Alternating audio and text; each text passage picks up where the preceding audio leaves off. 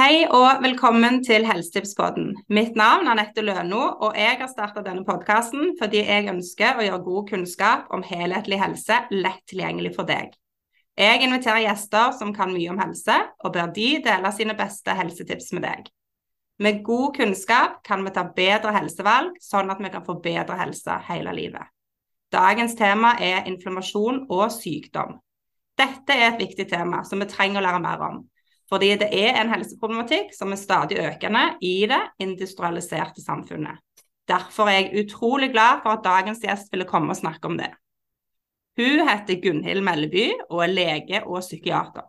Hun er opptatt av å forebygge og reversere sykdommer gjennom en sunn livsstil. Hun hadde selv mange helseplager pga. økt inflammasjon i kroppen, men har gjennom en antiinflammatorisk livsstil blitt kvitt disse plagene og har i stedet fått mer overskudd og livsglede. Og dette overskuddet bruker hun til å hjelpe andre for å oppnå det samme. Du finner hun bl.a. som doktor Gunhild på Instagram. Hjertelig velkommen, Gunhild. Kjekt å ha deg her på kontoret mitt i Stavanger. Ja, tusen takk, Anette. Så hyggelig å se deg eh, på ordentlig. Ja, jeg likeså. Ja. Det er stas. Mm. Ja, inflammasjon og sykdom. Mm. Hva er det som har gjort at eh, du brenner så inderlig for å få ut den kunnskapen? Ja, Det er jo litt sånn som du e egentlig allerede nevnte, ja. min egen historie. Så jeg kan jo starte kort med det. Ja, takk. Fordi at eh, Hvis vi skrur tida sånn jeg vet ikke hvor mange år det er lenger, men kanskje tolv år tilbake, da, så var ikke min helse like god som den er i dag. Og da eh, hadde jeg veldig mange forskjellige typer symptomer i kroppen. Og alt fra mye hudproblemer, eh, eksem, eh, kviser, rosacea, andre urtikaria, altså sånn eh, Hva heter det på norsk? Blodkar? Nei, sånn urtikaria, sånn um, hevelser som kommer, allergiske reaksjoner. Ja. ja. Eh, Elveblest heter det. Ja. ja. Mye sånne ting. Jeg hadde etter hvert fikk jeg leddplager, mye fordøyelsesproblematikk spesielt. Forstoppelse. Eh, og så etter hvert eh, så ble jeg selvfølgelig også veldig, veldig sliten eh, mm. av alt dette. Jeg hadde også en øyebetennelse, en sånn episkleritt. Eh, og så gikk det selvfølgelig utover humøret, følte meg nedstemt. Eh, og det er klart, jeg kunne finne legemidler som kunne hjelpe meg eh, å dempe symptomer, kremer som skulle dempe hudlidelser eller sånne ting. Men jeg visste jo eh, som lege at det, ville, at det ikke fantes en pille som kunne kurere meg, og i hvert fall ikke som kunne ta bort den ekstreme utmattelsen, som jo var det aller, aller verste å leve med. Mm. Og, og, det var helt tydelig at, eh, for meg da at det måtte være en underliggende ubalanse i kroppen min som gjorde at det poppet opp forskjellige typer symptomer og lidelser, og som gjorde at jeg ikke var så frisk som jeg ønsket å være, ja. rett og slett. Og jeg har jo alltid vært opptatt av forebyggende helse helt siden jeg, hva skal jeg si, startet på, på legestudiet. Eh, jeg har drevet aktivt med idrett, vært opptatt av at kroppen skal være sterk og hva skal jeg si, spise god næring, men allikevel så ble jeg altså syk. Eh, har du noe tanke på hva som gjorde at det skjedde da, for ca. tolv år siden?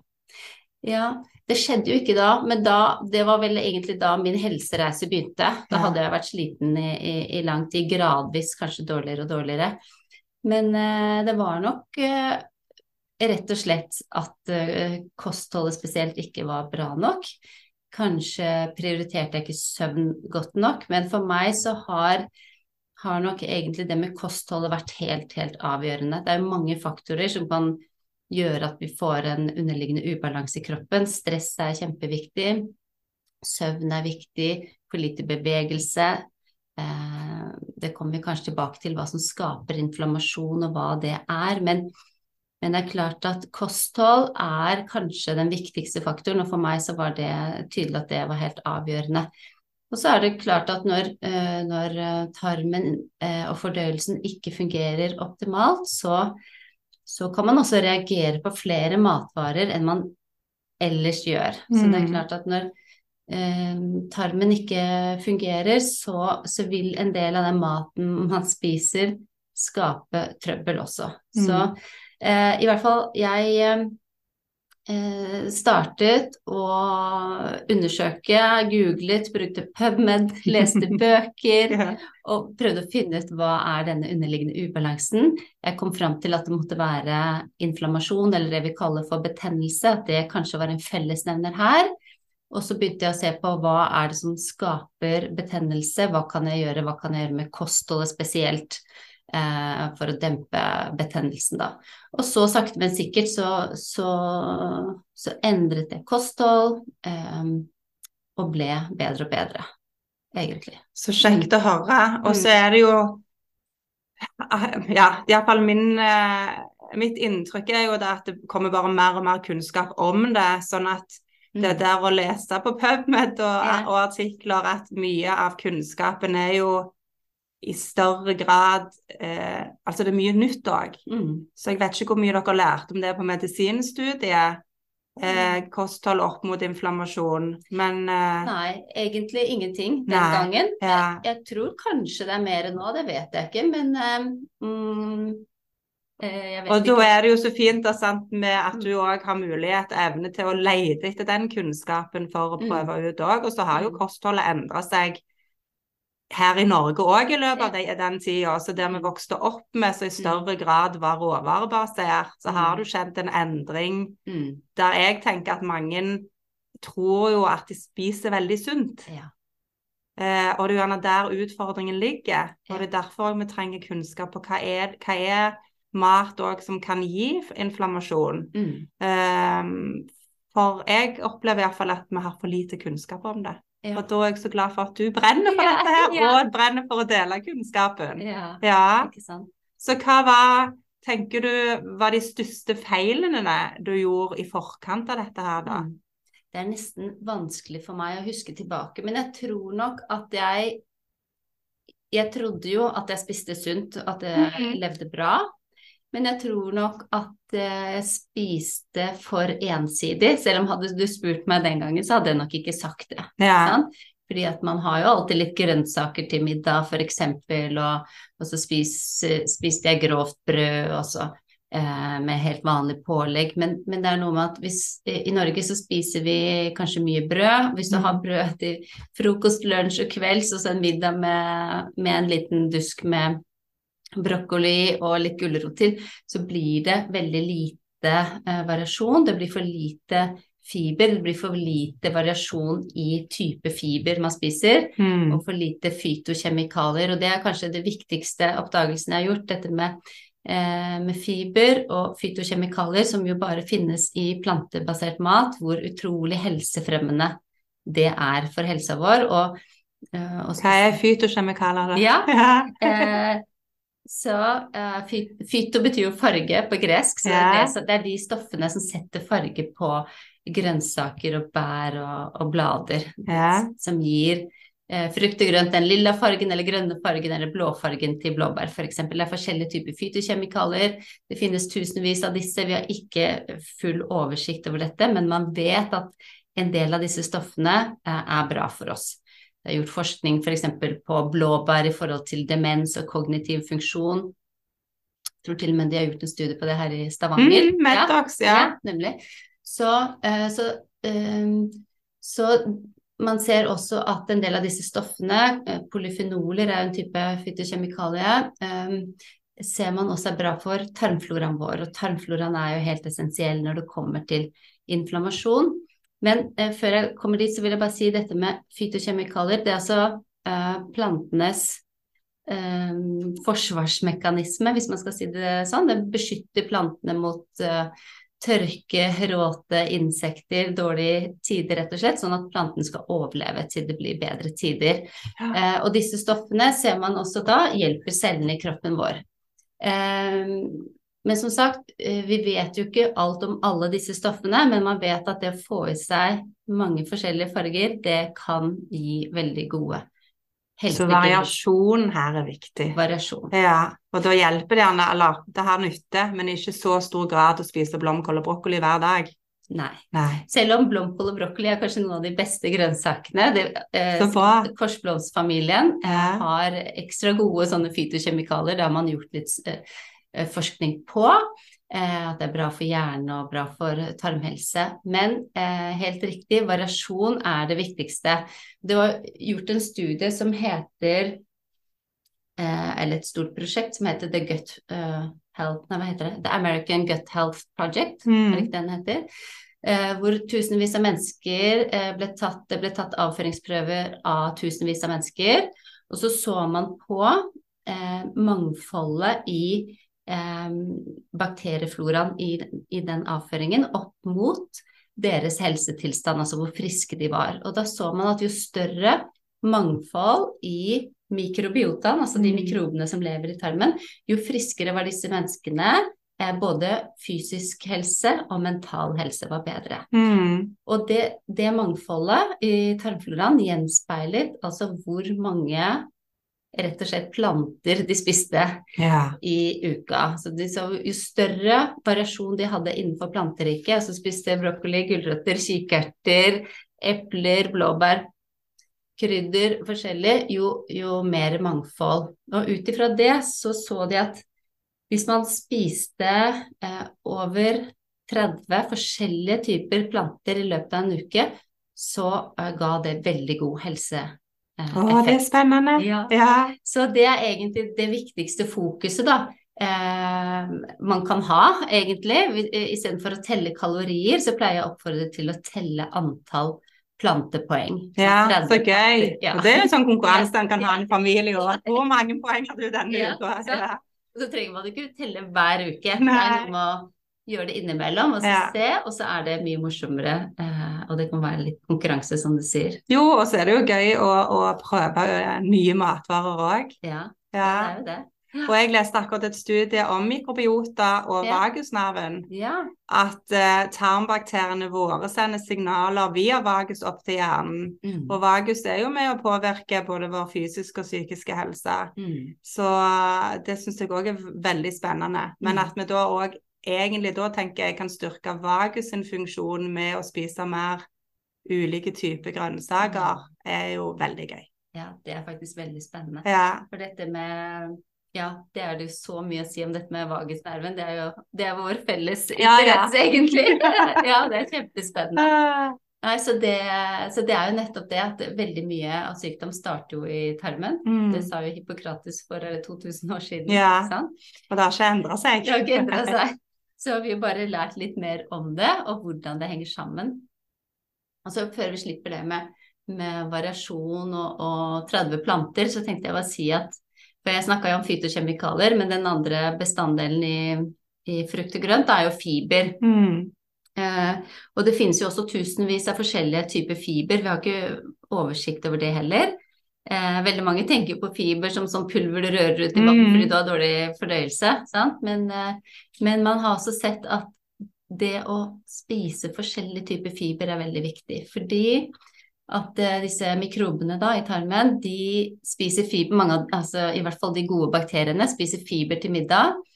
Og eh, de er litt kresne på matfronten, så noen vil ha fiber fra gulrot, og en annen fra kiker, og en tredje fra blåbær, kanskje. Så det er litt av greia med å spise variert. Da holder du liv i flest mulig bakteriestammer inni tarmen din. Ja. Da lever de og har det bra og formerer seg. Og så når de spiser dette fiberet, så kutter de For det første så hjelper de oss å fordøye det fiberet. Kutter det opp. Før så tenkte man at alt fiber bare gikk rett igjennom, ikke ga oss noe Uh, annet enn å holde fordøyelsen i gang. Men, oh, ja, det visste jeg ikke. Nei, for det trodde man jo før, at det bare gikk rett igjennom. Men det vi vet nå, er, er, at for det første så gir det energi til selve cellene som bygger opp tarmveggen. Mm.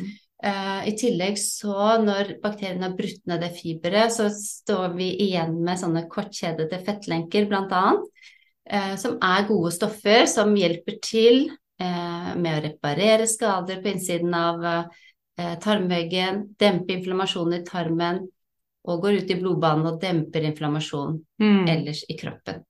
Og ikke minst skaper ikke sant, et godt miljø inni tarmen, sånn at når immuncellene, som jo sitter eh, på utsiden av tarmveggen, ser du for deg liksom, tarmen som et rør, eh, veldig tynn altså Tarmveggen er jo veldig tynn, bare ett cellelag tykk. På utsiden der ligger det lag, lag, lag med inflammasjons- eller immunceller. Mm. Eh, for å passe på, hvis det skal komme noen lekkasjer ut, så er det jo viktig at eh, immuncellene sitter klare.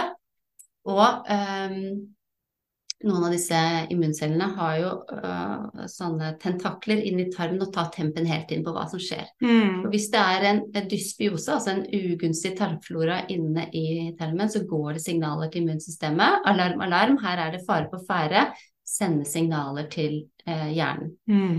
Eh, og det er litt av kanskje årsaken til at vi blir syke av inflammasjon. For at inflammasjon i seg selv, det har vi ikke snakket om. Altså, inflammasjon og betennelse, det er det samme.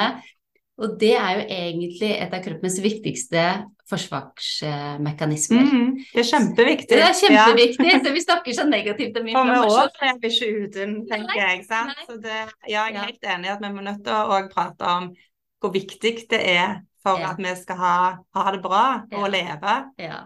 Eh, og så er utfordringen når det plutselig blir langvarig. Ja. Så det er jo eh, men vi ønsker jo sant, at immunsystemet skal hjelpe oss når vi får et kutt i huden eller vi spiser noe som, med noen uheldige bakterier som er skadelig for oss, mm. vil vi ha en inflammatorisk respons. Altså immuncellene kommer til skadestedet, reparerer eh, sår, f.eks. spiser opp uønskede inntrengere. Og så heles den skaden og vi blir friske. Mm. Men så skal immunsystemet på en måte gå litt i dvale og vente på neste mm. eh, situasjon. Men problemet oppstår jo hvis vi f.eks. hele tiden går med en dysbiose, som det kalles, altså den uh, ugunstige tarmflora, som hele tiden trigger immunsystemet, så vil ikke immunsystemet få hvile imellom. Da har du denne lavgradige inflammasjonen, mm. som jo sender signaler til nervene, som du sa, som kan føre til stress og indre uro, uh, f.eks. Mm. Altså på den måten gi um, opphav til uh, mer mental lidelse, da. Men eh, det vi ser, er at denne lavgradige inflammasjonen eh, kan jo gi eh, kan være en trigger eller en utløser for egentlig veldig mange forskjellige typer sykdommer. Uh, og hvilken sykdom vi får Nå hørte du jo mitt bilde i sted, mm. ikke sant. Um, hvis du på en måte tar dårlige valg og får en lavgradig inflammasjon over tid, så vil jo ditt sykdomsbilde være annerledes enn mitt. Mm. Og det handler jo om uh, kanskje hvilke gener vi har med oss, hvilken sårbarhet har vi nedarvet fra våre foreldre. Så, og selvfølgelig i tillegg til andre faktorer som påvirker også opplevelser vi har hatt. Mm. Det er den inflammasjons-sykdomsmodellen som jeg pleier å jobbe ut ifra. Mm. Ja. ja, det forklarer du veldig godt. Så det er jo det av og til så når en skal lese om det, så blir det så komplisert at det er vanskelig helt å forstå det. Så ja. den forklaringen der, den gjør jo mening. Og så er det litt som ja. du sier, at det er litt ulikt utslag. Noen får mye tydeligere ut gjerne i hud. Ja. Jeg har jo migrene, så jeg merker jo at eh, det går mer mot muskelspenninger og gjerne økt migrene hvis jeg Ja. Mm. Uh, og de vet jo gjerne ikke helt årsaken til det, men jeg vet iallfall at det er en faktor som, skiller, som mm. tydelig uh, gir utslag hos meg. Ja. Mm. Og noen får vel gjerne sant, veldig mye vondt i magen, eller mm. mer på, på psyken. Ja. Og det òg mm. at eh, en, eh, vi får en større forståelse for dette knyttet opp mot uh, psykiske lidelser òg, mm. er jo òg så viktig. Mm. Ja. Og så er det jo Ja, det er, det er veldig viktig. Og så er det jo vanskelig for oss, for at kroppen er så kompleks. Og vi vil jo ha enkle løsninger og enkle svar. Men det er ikke alltid så lett å si at det fører til inflammasjon, og så gir det sykdom. Det er jo ofte mange andre faktorer inni bildet her. Mm. Og, og, bare det med inflammasjon når vi snakket om kosthold og mikrobiota, men det er jo andre faktorer som fører til eh, økt inflammasjon også. Stress, med eh, traumer og negative livserfaringer setter også sitt spor i immunsystemet for lite bevegelse, for lite sollys, mm. eh, for lite essensielle vitaminer som D-vitamin og B12. Så det er mange ting som kan føre til økt inflammasjon. Så det er ikke bare kosthold, men kosthold er en kjempeviktig bit. Nettopp pga. dette med, med tarmfloraen. Ja, og så er det jo summen av mange summen. faktorer, da. Mm. Men da så fint at f.eks.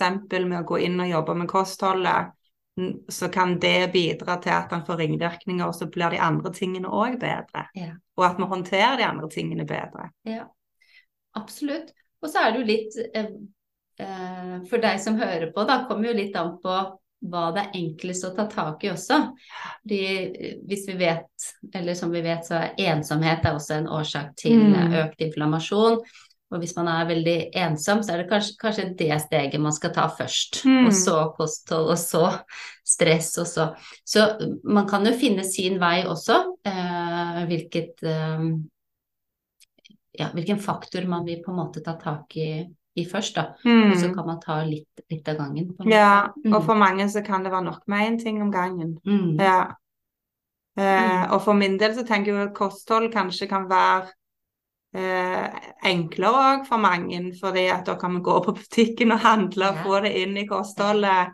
Eh, men ja, som du sier, at det kommer litt an på den som lytter, hva, hva som eh, en føler en, en kan beherske og klare å Mm. få til med å Mm. øve litt på over tid. ja. Ja. Og så tror jeg at det er ofte enklere enn man tror. For man, endringer er jo kan jo være vanskelig, fordi at hjernen vår ønsker jo ikke endringer. Hjernen vår vil jo beskytte oss, og Mm. alle endringer oppleves jo så farlig for hjernen Mm. vår. Utrygt. Utrygt, alt er utrygt. Uansett om man sitter i en dårlig situasjon, så vil det å ta steget ut til noe som man egentlig vet er bedre, det vil føles utrygt for hjernen. Ja. Så den vil jo komme opp med gode unnskyldning, unnskyldninger til hvorfor du ikke skal gjøre det du har bestemt deg for. Ja. Hvis du skal begynne å trene f.eks. Så, sånn som i dag, så er det jo litt sånn dårlig vær i Stavanger. Da er det jo veldig lett å få en god unnskyldning med at nei, jeg tror ikke jeg løper i dag allikevel, for det er så dårlig vær, så jeg venter litt eh, Ja, da kan det ende opp med aldri løpe i Stavanger. ja, ja, ikke sant. Så, så det er jo noe med det. Um, og så vil jo også hjernen eh, vår eh, spare oss for krefter, spare energi og endring. Det å begynne å lage ny type mat. Mm. Det kan jo koste litt ekstra tankeprosess i begynnelsen. Mm. Eh, så det vil også hjernen vår beskytte oss mot. Så det er den, den motstanden som folk ofte kjenner på. Det handler om egentlig eh, egentlig noe som skjer naturlig, som Ja. er veldig fascinerende, syns jeg. Ja, det er det. Det, er det. Og skulle trodd at hjernen bare skreik etter en endring som var bedre for kroppsfunksjonene, Ja. og så er det ikke så lett, dessverre. Nei, så er det ikke det. Så det er, men, men det, da må vi, når vi er bevisst på Mm. at det faktisk er sånn, så syns i hvert fall jeg at det er litt lettere. For da kan man tenke at ok, nå er det bare hjernen min som driver med et pust, nå har jeg bestemt meg for dette, Mm. nå gjør jeg det. Og så er det jo egentlig ganske enkelt, fordi at vi faller jo ofte Grunnen til at vi velger dårlig mat, er jo fordi at vi kanskje er slitne, stressa når vi går på butikken. Vi velger det som er de enkle valgene Mm. så er jo samfunnet vi lever i, er jo dessverre sånn at de enkleste valgene ofte de som er dårligst for oss. Mm. Så øh, det finnes så mange ting da på butikken som er enkelt å bare putte i ovnen, men som, som ikke har noe helsefremmende effekt for oss. En ferdig frossen pizza f.eks. eller som det er lett å, å ty til når man er eh, litt sliten og stressa og kommer kjapt innom butikken og skal lage noe fort. Så det krever litt planlegging, men det er jo egentlig ikke vanskeligere. Men man må ha en egen selvstendig plan, Ja, tenker jeg. og hva Mm. tenker du da òg er viktig å holde seg mest mulig unna? Ja, det er jo mat som man kaller for ultraprosessert mat. Eh, altså mat som er laget for å holde veldig lenge. Mm. Eh, og, og ultraprosessert kan jo godt være plantebasert og, og har vært, hva skal jeg si, et, eh, en bra matvare i utgangspunktet, men så er det gjort veldig mye for at den skal ha lang holdbarhet. For, et, for at et produkt skal ha lang holdbarhet, og skal være mulig å fryse f.eks., så er de nødt til å fjerne fibre spesielt, da, fordi at ellers så vil ikke varen være noe bra når du tiner den opp, Ja. eksempel. Så, så ultraprosessert, da har man tatt bort mye av de gode næringsstoffene, eh, og tilsatt kanskje en del eh, stoffer, altså sukker, salt, fett, som man vet at det er en sånn kjempegod kombinasjon for hjernen vår, for belønningssenteret, men som ikke er så bra for helsa vår. Så Mm. Eh, Så ultraprosessert mat er jo ikke laget for at vi skal få god helse, det er jo laget for å hva skal jeg si, selge mye mat, Mm. kan man si. Lang varighet og Lang tilsatt varighet. smak for å Ja. litt lure oss til at dette her er ikke en ferskvare. Nei. Og da, og så, og så, men så stimulerer det smakssansene, så det er veldig lett å spise mye av det. Og så er fiberet tatt bort, så metthetsfølelsen får du ikke så raskt. Så det er lett å spise for mye. Så fiber blir i større grad ødelagt av en fryseprosess. Ja. Ja. Mm. Eh, ikke, fryse, ikke hvis du fryser ned eh, grønnsaker, eh, altså frosne bær f.eks. De, de har fiber i seg når de kommer ut. Men eh, det er et veldig godt eksempel, for hvis du fryser ned jordbær, og du tar de ut for å tine de og skal pynte kaka med, så er de ikke noe fine lenger. Nei. Og det er nettopp det som skjer eh, når du fryser eh, mat, så gjør fiber Fiberet endrer struktur, Mm. og derfor så tar man det bort for, å, for, for at matvaren skal se fin ut når du også tiner den opp. Ja. Så i den prosessen så fjernes en del Mm. fiber. Ja. Eh, så det var egentlig det. Men det er ikke noe problem å spise frosne grønnsaker og frosne bær. Det kan jo være en veldig rimelig måte å få i seg mer eh, frukt og grønt på. ja, det syns jeg er Ja. en lettvint løsning i Ja. Ja, ja, veldig greit. Ja. Ja. Og så fint å vite at den, eh, Mm. det meste av det da ikke mister noe næring i den prosessen. Nei. Nei, absolutt ikke. Mye fryses jo ned med en gang, så det er ganske bra næringsinnhold i det. Så Tenker du forskjell der på økologisk og ikke økologisk? Våger vi oss inn på det? Ja, vi våger oss inn på det. Og jeg tør å si at økologisk er, er å foretrekke, fordi at det er mindre sprøytemiddelrester i Mm. det. Og sprøytemidler skal jo ta knekken på mikrober, og de vil vi helst ta vare på. Mm. Og det er jo litt av det som kanskje er det viktigste her, at vi ønsker å spise for og ta vare på den rike tarmfloraen. Og De gode de tarmbakteriene. gode tarmbakteriene. Ja. Vi er så redd for alt som handler om bakterier og virus, men Ja. vi er faktisk helt avhengig av de. Og så Ja. finnes det noen dårlige som vi blir syke av, som vi kan få forkjølelse eller influensa eller sånne ting, men de fleste bakterier og mikrober Mm. de er jo gode, og vi er, vi er jo I kroppen vår så har vi flere bakterier og virus i kroppen enn vi har celler. Sånn at det, det er klart vi er helt avhengig av de. Det er Men å tenke på. Ja.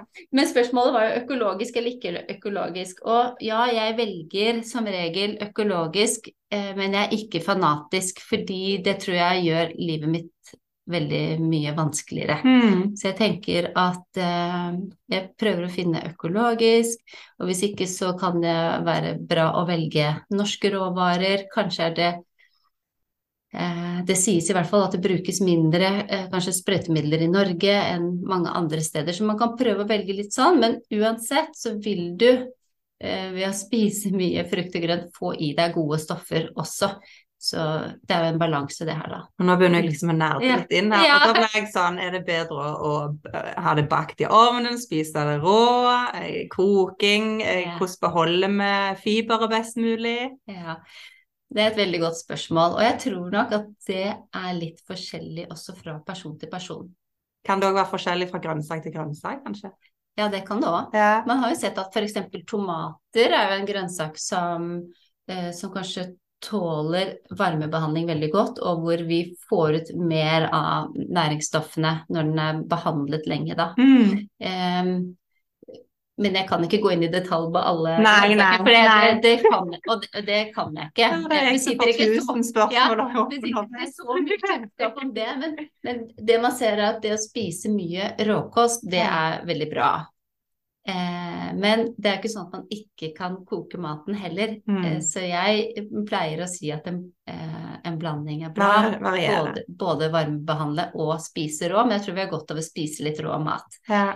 Men det er klart at eh, for folk som, eller min erfaring med de jeg jobber med, er at når de har, eh, kommer til meg og har veldig dårlig tarmfunksjon i utgangspunktet, så hender det at ikke de tåler så godt rå grønnsaker som kokte. Da kan Mm. kokte være litt snillere mot en Hvis du ser for deg en tarmvegg som er litt skadet, hvor det er små rifter og den slimhinnen er litt slitt ned, eh, kanskje det man kaller for økt permeabilitet eller lekktarm. hvis du har sånne små lekkasjer fra tarmen, så, så må man på en måte gå litt forsiktig frem hvis man skal endre til et mer plantebasert kosthold. Da kan det være lurt å spise mer kokte grønnsaker i begynnelsen, f.eks. Mm. Og da vil du jo ja, Så, så da må man kanskje eh, Hvis man har en veldig dårlig fordøyelse i utgangspunktet, så tror jeg det er lurt å, å gjøre endringer sakte. Mm. Og ikke tenke at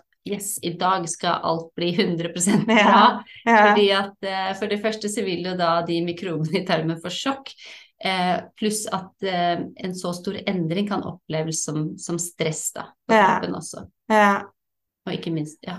Og hvordan kan en måle om man har en inflammasjon, da? Er det, er det i større grad basert på symptomene, eller kan en ta en Mm. CRP og se om det er en liten forhøying der, eller hvordan jobber du med det? Mm. Eh, Sånn utgangspunktet nå så jobber jeg mest med veiledning og tar ikke undersøkelser av, av folk, men man kan man kan gjøre undersøkelser, man kan måle CRP, hvite blodceller, man kan se små endringer der. Men dette er en lavgradig inflammasjon. Vi har nok ikke de beste testene, eh, men eh, og, dessuten så er det sånn hvis du tar én blodprøve hos fastlegen og CRP er på 4-5, som er sånn lavgradig forhøyet, så kan jo det være noe spesielt akkurat den dagen. Så Mm, et øyeblikksbilde. Øyeblikksbilde, ja. Men, eh, men per i dag så er det CRP og hvite blodceller. Man kan se på blodsukkermålinger, for det ustabilt blodsukker kan jo gi økt inflammasjon. Man kan se på HRV f.eks. Med, med klokke, altså pulsvariasjon. Eh, kan også gi eh, eh, en pekepinn. Og så er det jo det med, med fordi at når man eh, gjør studier i forhold til inflammasjon, så, bruk, så måler man cytokiner direkte som ikke vi har tilgang til å måle i et vanlig laboratorium Mm. eller hos fastlegen. Dette kommer nok mer og mer.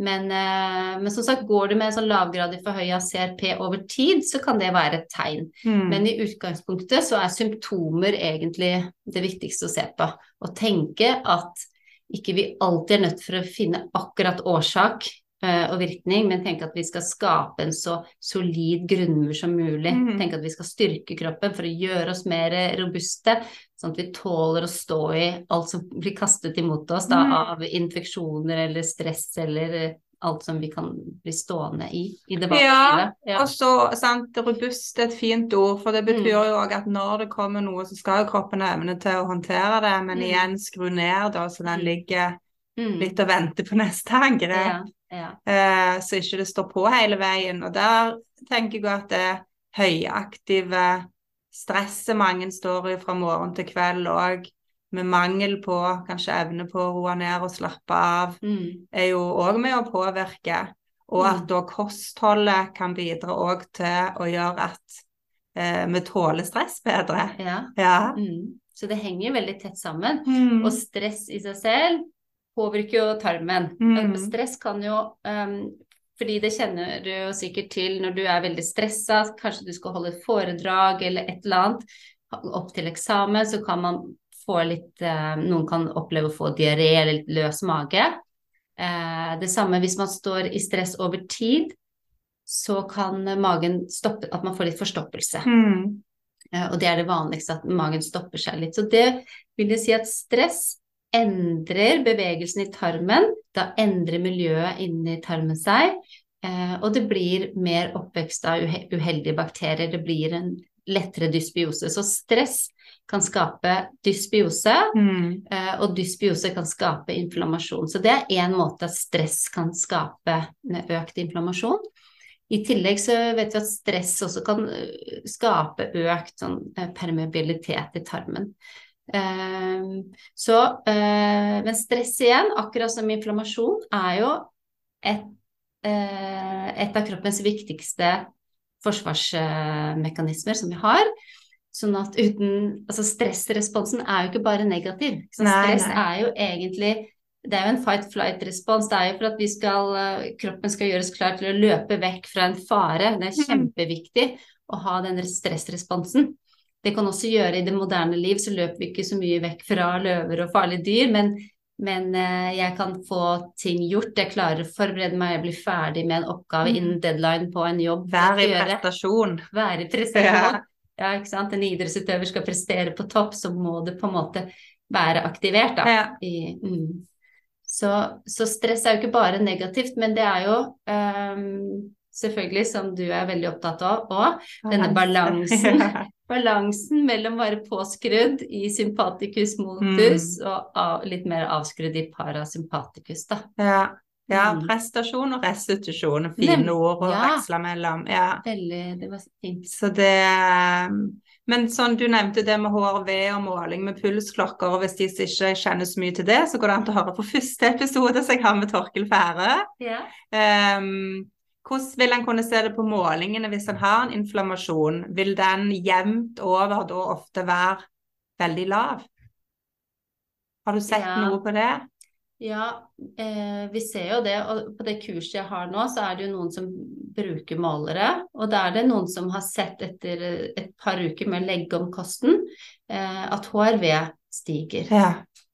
Eh, Og det er jo gøy å Ja. kunne måle resultat på de tingene en tester Ja. ut. Jeg så et studie på det at da var det primært grønne bladgrønnsaker, en variasjon av det som ga høyere HRV. Ja. Ja.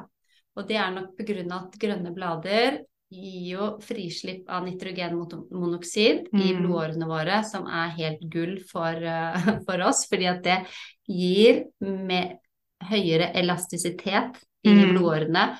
Blodårene blir glattere på innsiden, sånn at dette gjør jo at vi får forsynt kroppen med nok oksygen hele tiden. Så, så grønne blader er noe jeg absolutt er veldig opptatt av. Ja. Jeg skal få i oss nok av, da. ja. I forskjellig i, Ikke de samme bladene hver gang. Nei, å variere. Ja. Mm. Og så er det jo, for det at nå er vi jo heldige på at vi kan gå på butikken, sånn at det er ikke alle som har en full grønnsaksåker ute i hagen sin. Mm. Ehm, og det å kunne variere eh, er jo en god mulighet sammenlignet Mm. for noen generasjoner siden, Mm. eh, der en måtte ta det en hadde lett tilgjengelig. Men det jeg lurer på da, er jo at er de grønnsakene som i større grad eh, gror her, er de bedre for oss enn de vi får fra f.eks. Spania eller Marokko? Har du peiling? Eh, jeg vil tro at det er det. At, at genetisk så, så vil vi tåle lokale råvarer bedre. Ja. Eh, men jeg kan ikke nok om det. Eh, og jeg spiser mat fra flere forskjellige land, Ja. si. så, men jeg tror absolutt at eh, alt som er lokalt, vil jo være bedre. Og det vil jo være Mm. ferskere også, tenker jeg. Ja, Mm. og så òg vet jeg jo at fermenterte grønnsaker òg har jo en, en god gevinst for tarmfloraen. Mm, absolutt. Og da har du jo fermentert kål, som har vist seg i studier å være veldig gunstig. Mm. eh, som liksom er vinneren. Eh, det kan man gjerne gjøre hjemme, det er veldig lett. Men for mange så blir det aldri noe av, fordi at det er så mange andre ting vi skal gjøre. Så eh, det kan man også kjøpe ferdig. Eh, det er jo et eh, firma her i Stavanger som heter Ei med alt. Ja, Ja. der har jeg testa ut ganske mange eh, varianter og skal kjøpe mer i morgen. Så jeg er med i jobbkollektivet sammen med hun som driver det, og de, eh, det er veldig godt. Så jeg tar en skje til da, eller to skeier til dagen av den ene nå med sånn eplekraut. Så kjempegodt. Det er veldig godt. Og det er det jeg anbefaler òg. For ja, det koster jo litt penger ikke sant, å kjøpe det glasset. Men som du sier, det er ikke så my mye du trenger. Nei. Og har du én til to spiseskjeer om dagen, så varer det glasset ganske lenge. Så Ja. det er jo en god investering. Eh, så, og de har jo veldig mye gode smaker. Ja. Har du Så- smakt de fra Eimalt? Ja. Ja, så gøy. Jeg skjønte ikke hvorfor de het Eimealt. Men så var det en fra Stavanger som sa du sier det helt feil, det heter jo ei med alt. Jo, Som en pølse med alt. Ja, ei alt som et tilbehør. Så Uh, Nei, jeg lagd hvis jeg lager hjemme, så lager jeg kjempestor porsjon, for det holder seg jo lenge. Så har jeg det kjøleskapet nede i boden. Ja. Eh, men så kan man jo, altså det som for nordmenn, da, så er det jo også enkelt å kjøpe kefir f.eks. på butikken. Kefir er den eh, av melkeprodukter som, eh, som det er gjort mest forskning på, at det er der de Mhm. gode bakter beste bakteriene finnes. Eh, noen tåler jo ikke melk så godt, eh, og en del studier eh, kan jo vise at det å drikke mye melk f.eks. kan gi forstoppelse, for noen kan det gi hudproblemer som akne. Men jeg tror at i disse studiene så har man tatt melk som én gruppe, og Mm. ikke sett på ikke sant, kefir eller naturell yoghurt. Og det ser man nå mer og mer, at det eh, selvfølgelig er helt annerledes å drikke kefir enn enn søtmelk og fløte. Så det er forskjell på melkeprodukter. Og Mm. en del mennesker som reagerer på, på melkeprodukter, kan tåle litt grann kefir eh, for å få i seg disse, Mm. eh, disse gode stoffene. Men det må man jo prøve seg frem med hva som fungerer. Men eh, jeg tenker at for mange så er jo det enkelt å få tak i, i hvert fall. Ja. Mm. Og nå nevnte du litt av de deltakerne. Hva kurs er det du har, da? Vil du fortelle litt om det? Ja, jeg har et kurs som, eh, som går nå, over Ja. seks uker, så vi er jo allerede på femte uka, det går så fort. Men det heter eh, Dr. Gunhilds grønne resept. Jeg elsker ordet.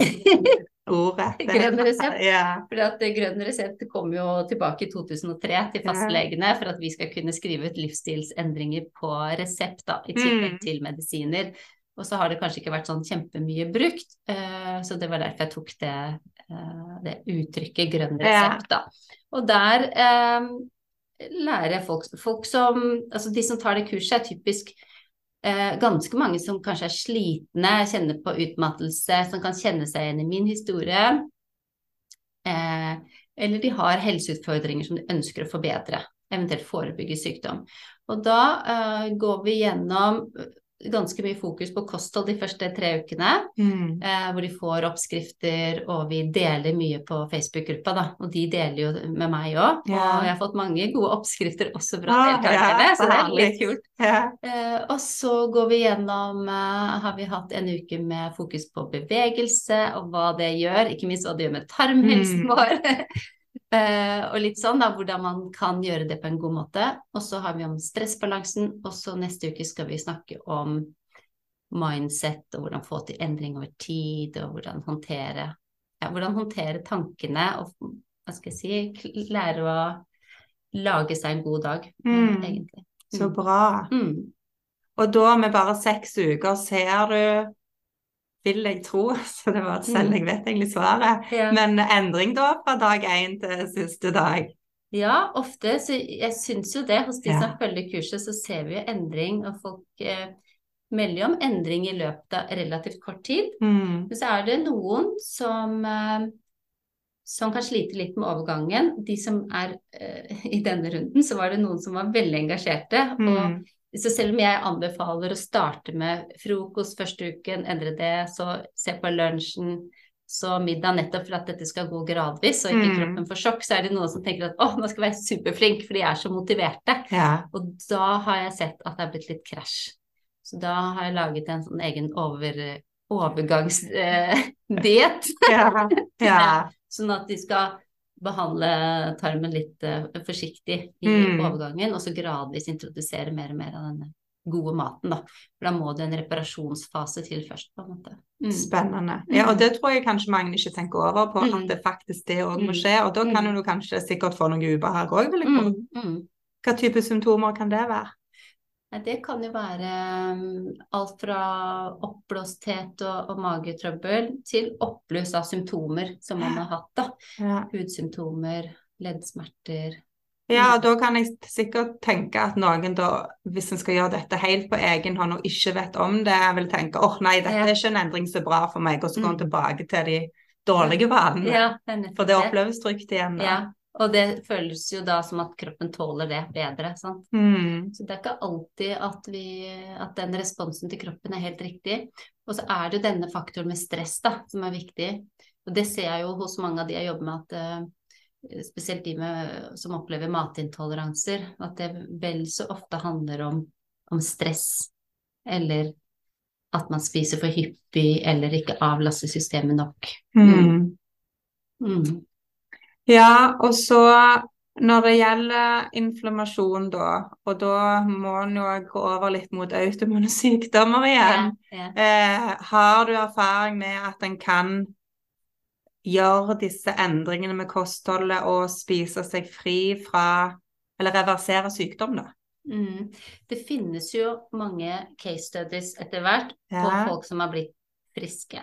Nå er jo autoimmune sykdommer eh, et stort knippe forskjellige sykdommer hvor, hvor uh, immunsystemet vårt uh, går til angrep på forskjellige organer i kroppen og bryter ned um, disse organene. Ja, og hvorfor gjør det det? Kan du forklare litt om det? Det kan være f.eks. sånn som lavt stoffskifte, Hashimoto f.eks. Eh, så ser man jo at det kan oppstå etter en influensa. Eh, så har man jo teorier på at kroppen kan lage antistoffer.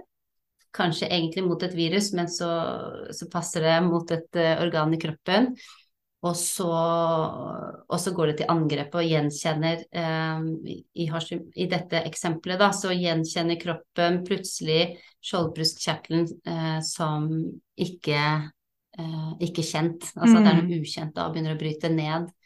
Og det er klart eh, Og det kan være Veldig ofte så ser man at autoimmune sykdommer oppstår også etter eh, situasjoner i livet med veldig mye stress, eh, eller store hormonelle endringer, Eh, veldig mange med autoimmune sykdommer kan ha hatt eh, traumer eller ja, store påkjenninger tidligere i livet.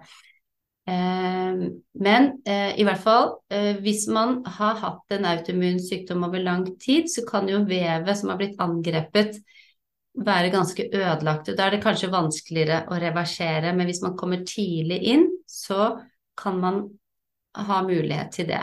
Det er sjelden allikevel at folk kanskje klarer å reversere sykdommen, men at man klarer å forbedre øh, sykdommen og dempe symptomer, mm. det klarer de fleste.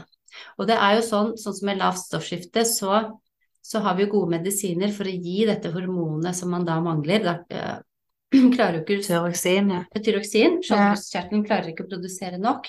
Så vi kan ta det øh, hormonet men min erfaring, for jeg har jobbet ganske mye med folk med lavt stoffskifte tidligere, ja. er at, de, at, det er vanskelig å komme seg tilbake til der man var mm. før sykdommen. Og det handler nok om at man fortsatt har denne inflammatoriske prosessen gående. Fordi tyroksin som man tar, det hormonet, gjør jo ingenting med den underliggende ubalansen, den inflammatoriske tilstanden. Mm. Så årsaken til at han produserer lavere av det hormonet, ja. er ikke blitt behandla? Er ikke blitt behandla.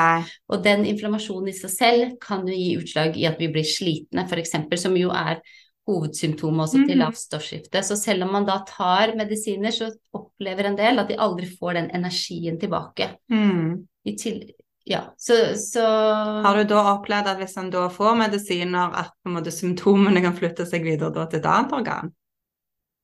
Har du sett mm. noe på det? Nei, ikke, ikke nødvendigvis akkurat sånn, men, man, men, samtidig så ser man jo en opphopning av flere sykdommer ja, hos ja. en som allerede har en autoimmun sykdom, det man kaller for komorbiditet. Mm. Eh, så, så, det er jo ikke så uvanlig. Og Eh, F.eks. blant mennesker med psykiske lidelser så ser man jo en oppvåkning av autoimmune sykdommer, hjerte-karlidelser. Og det eh, liker jeg å forklare med den inflammasjonssykdomsmodellen, da. At det er den grunnleggende ubalansen i Altså det er den samme årsaken til at man får de forskjellige sykdommene. Ja. Sånn som vi startet samtalen med, da. Mm. Så. Og så nevnte du jo òg litt eh, på kurset ditt at du snakker om, eh, om stressmestring. Ja. ja. Har du noen gode tips til det?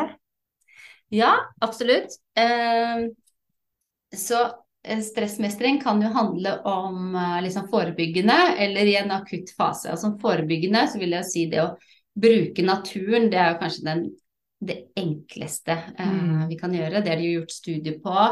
Eh, i Michigan, hvor man uh, fant ut hvor mye tid skal man bruke for å få effekt, for ja. å dempe kortisol, dette stresshormonet. Og lang historie kort, så var det ca. 20-30 minutter tre dager i uka ga veldig god effekt ja. på stressnivået. Så det er enkelt. Det som er fint med naturen, er at da er vi i flytsonen, den indre kritikeren forsvinner, vi lader veldig godt. Og det, det, eh, det, kan man også finne andre aktiviteter som eh, gir. Um, vi er jo heldige som bor i et land med tilgang på natur ja, veldig lett. Ja, ikke sant. Ja. Hvis man ikke har det, så kanskje man har andre hobbyer som gir en sånn opplevelse av å være i flyt. Kanskje man spiller gitar, eller synger, eller maler. Mm. Eller liker å ro, eller surfe. Ikke sant. Sånne ting kan være veldig bra for å forebygge stress. Og det å oppleve glede, mening og mestring, det er også motsatsene mm. til stress. Ikke sant? En god latter forlenger livet, for Ja. eksempel. Det jo Det gjør det jo. Det gjør jo det. Det er jo for at du frier jo stress når du ler. Sånn at du klarer ikke å le så godt heller når du er stressa. Så Nei, og det er jo det som òg du sier, det der å gjøre det som en sjøl liker. Mm. For skal en komme og si du må gå i fjellet, hvis du ikke yeah. liker det, mm. så kan jo det nesten gjøre en mer urolig. Eller Mm. hvis noen sier 'elsker å strikke', så kan det gi de senke stresset Ja. betraktelig. Men for meg som ikke liker det, så kan det bare øke stress. Ja. Så det å gjøre det en sjøl liker, Ja. og gjøre en glad, rolig Og det kan være Eh. enkelt. Det kan være å ta en kaffe og kikke ut av vinduet. Eh, lese en bok, mm. sånne ting. Eller pusteøvelser, sant. Altså det, hvis man liker det. Ja. Sånn, Og pust er vel kanskje, i alle fall erfarer jeg, den enkleste måten å senke stress på. Fordi at med en gang vi senker pusterytmen, så aktiverer vi vagus, hovednerven i parasympatiske nervesystemet, og så vil det gi noen signaler til hjernen og kroppen Mm. om at eh, vi skal roe ned litt. Ja. Og det er det jeg bruker mest selv også. Og, og jeg anbefaler ofte å bruke en kombinasjon av, av forebyggende pust, Mm. altså enten meditasjon eller forskjellige former for vaguspust, firkantpust f.eks. Hvor du kanskje setter av fem minutter hvor du puster inn, dette kan jo du da, inn i fem sekunder f.eks. Holder i fem sekunder mens du ser for deg denne firkanten, og puster ut i fem sekunder, og så holder du pusten i fem sekunder. Det er jo en veldig fin måte å ro, ned, eller bare rolig pust, som du sa. Ja. Og så er det jo det i, eh, i en akutt situasjon, så er det det som kalles for det fysiologiske sukket. Ja. Er det Jack Feldman han heter som har forsket på det Mm. uh, ved UCLA. Og han uh, anbefaler da en sånn dobbelt innpust med påfølgende langt utpust. Mm. Og det har jeg implementert i mitt eget liv. Når jeg kjenner at jeg ligger litt her oppe med høye skuldre, puster litt overfladisk, uh, har sånn bråttomsbeteende Mm. og skynder meg rundt, så tenker så bare Gunnhild, nå er du der igjen. Ja. Og så tar jeg et dobbelt innpust. Og det kan man gjøre én til tre ganger etter hverandre, og det er veldig sånn akutt Ja. nedroing. ja. Ja. Bra triks. Ja. Ja. Så, og jeg syns det funker, eh, det funker godt. Også disse mikropausene da i hverdagen hvor man Vi snakka om det i går etter et foredrag jeg var på i går. Vi hadde snakket om stressbalansen. Og da eh, Noen det var en som ble så stressa av å sitte i kø. ja. Men da kan man jo bruke den tiden til å tenke ok, nå har jeg muligheten til Ja, å ja. øve på Egen pusteøvelser. Ja, ja. egen tid. Så det er sånne mikropauser man kan lage seg, da. ja, og istedenfor at det skal være et stress for det kø, Ja. Ja, og, det, og et annet eh, triks der er jo da gjerne å ta på noe musikk som gjør han rolig, eller som gjør han glad. For musikk òg fremtvinger jo egentlig en eller annen respons hos oss, ja. som òg er så fint. Det er faktisk veldig godt poeng. Og det jeg har begynt med nå, er jo å sette på musikk når jeg skal rydde av bordet, for det er alltid litt kjedelig etter middagen og alt som skal gjøres. Setter jeg på musikk, og så går jeg litt sånn med dansende skritt frem og tilbake. Da Så får du bevegelse, roer ned, hører på musikk som gjør deg glad, og så Mm. Ja. blir den jobben mye kjekkere. Ja, Ja. så det er kanskje et veldig godt tips. Ja, ja det var det. Mm. For det å ta mikropauser eh, jeg tror Vi lever jo i et samfunn der vi måtte bli belønna i hvor mye vi klarer å prestere, men hvor viktig det er å ta seg disse pausene innimellom. Ja. Og da kanskje bare sette seg ned og gjøre ingenting har så enormt mye verdi nettopp for den får regulert ned stressmekanismen i kroppen. Ja. Så kan være med sant, og, og dempe inflammasjon Mm. med at vi kun tar pauser. Det er jo Ja. fantastisk. Det er fantastisk. Men da må vi huske å gjøre det. Ja, Det er det. Ja. Ehm, så jeg har fått litt spørsmål inn fra noen av de som uh, følger Helsetipspodden på Instagram. Og uh, et spørsmål er um, hva er de vanligste sykdommene som er forårsaka inflammasjon? Uh, og du var jo litt inne på det, mm. men hvis du vil nevne konkret noen av de sykdommene? Ja, det er egentlig de fleste sykdommer som vi sliter med i Vesten i dag. Um, Hjerte-karlidelser, uh, diabetes type 2, overvekt, uh, autoimmune sykdommer, uh, psykiske lidelser, uh, demens. Ja, så det er Mm. veldig mange sykdommer som kom som trigges av eh, inflammasjon, hvor det er en bidragsyter, hvis jeg skal kalle det det. Det er, ofte, det er jo ikke alltid det er bare én faktor, sant? Nei, og så handler det jo om at vi skal kunne ha bedre helse hele livet. Um, og jeg leste det var noen forskere som hadde sett på hva de tror at på trenden av syk, de eldre eh, el, Sykdommen hos de eldre når Nå er jeg 45, men når jeg blir gammel, altså om 20-30-40 år, og der er jo demens den store, så de frykter. Ja. Og at vi kanskje da er en hel haug som vi går rundt og ikke helt vet hvem vi er. Det er jo en eh, Mm. litt sånn eh, fryktsom tanke. Men da hvor viktig det er for Vi kan forebygge. ja, Ja. vi kan det. Mm. Eh, og med kosthold. Ja, i veldig stor grad. Ja. Mm. Så derfor er det òg så viktig, for vi har jo, hvis vi skal leve til vi er over 100, så er det jo viktig at vi har god helse mens vi lever. Mm. Og det finnes til og med teorier at første menneske som blir 120 er allerede født i dag. Ja, ja. Sånn at eh, vi, vi trenger god kunnskap for å kunne ta bedre Mm. valg for å ha god helse. Mm. Og derfor er jeg òg glad for at du vil dele din gode kunnskap. Ja. Er det noe du har lyst til å legge til? Er det noe du ville snakke om som vi ikke har snakket om ennå? Jeg har mye på hjertet. Ja, jeg Kanskje vi heller kan ta en Kan være prat til. tilbake Ja. igjen. Ja. Kanskje vi må gjøre det. ja. Mm. Jeg eh, pleier å avslutte med å spørre om eh, du kan dele tre helsetips. Ja. Og jeg vet jo at med all din kunnskap og mye av det vi har snakket om allerede, så kan det kanskje være vanskelig å oppsummere i eh, tre korte. Ja. Men eh, har du noen? Ja, og det er vanskelig, da. Men Ja. jeg tenker, nå har vi sagt mye, men dette med eh, at gode livsstilsvalg bør komme fra et sted, et ønske om å ta godt vare på oss selv. Altså Mm. det kommer fra selvomsorg, da er det lettere å ta gode valg. Jeg anbefaler eh, daglig bevegelse, men man kan ikke trene seg vekk fra et dårlig kosthold, så det å ta gode valg og kjøpe gode ting når man er på butikken, det er Mm. lurt inkludere mer variasjon, sånn som vi snakket om, for å få mer mangfold i tarmen. Eh, og så, for å få til endring, så er det noe med å se for seg hva man ønsker å oppnå. Mm. Sant? Hva er ditt hvorfor? Mitt hvorfor er jo at jeg ville jo ikke tilbake til der jeg var. Eh, jeg vil ha en kropp som gjør det mulig for meg å drive med de tingene jeg syns er gøy. Som Mm. å danse, eh, windsurfe, være sammen med familien, dra på ferie. Og kunne ha det hyggelig og bra når jeg gjør det. Mm. Så det liksom være klar på hva er ditt hvorfor. Det Mm. kan gjøre det også lettere å ta gode valg. Mm. Ja, og det er jo det. Vi har jo lyst til å ha et godt liv og kunne gjøre de tingene vi har lyst på, og ser oss mer glede som igjen da er med å redusere inflammasjon og holde oss friske. Ja. Ja, så det var gode tips. Mm. Ja. Tusen takk for at du ville komme på besøk her. Og så eh, allerede nå så frister det meg til å spørre om vi får ta en episode til, men vi får ta det på et senere Ja, det skal vi gjøre. Vi kommer litt inn på Og så ønsker du eh, mer kunnskap fra Gunhild, så er jo doktor Gun- Gunhild på Instagram, og der deler du jo òg mye bra. Mm. Og så takker jeg eh, deg som har lytta, og så håper jeg at dette var noe informasjon som ga deg noe motivasjon videre til å ta litt bedre valg. Takk for at du lytta. Ha det! Ha det.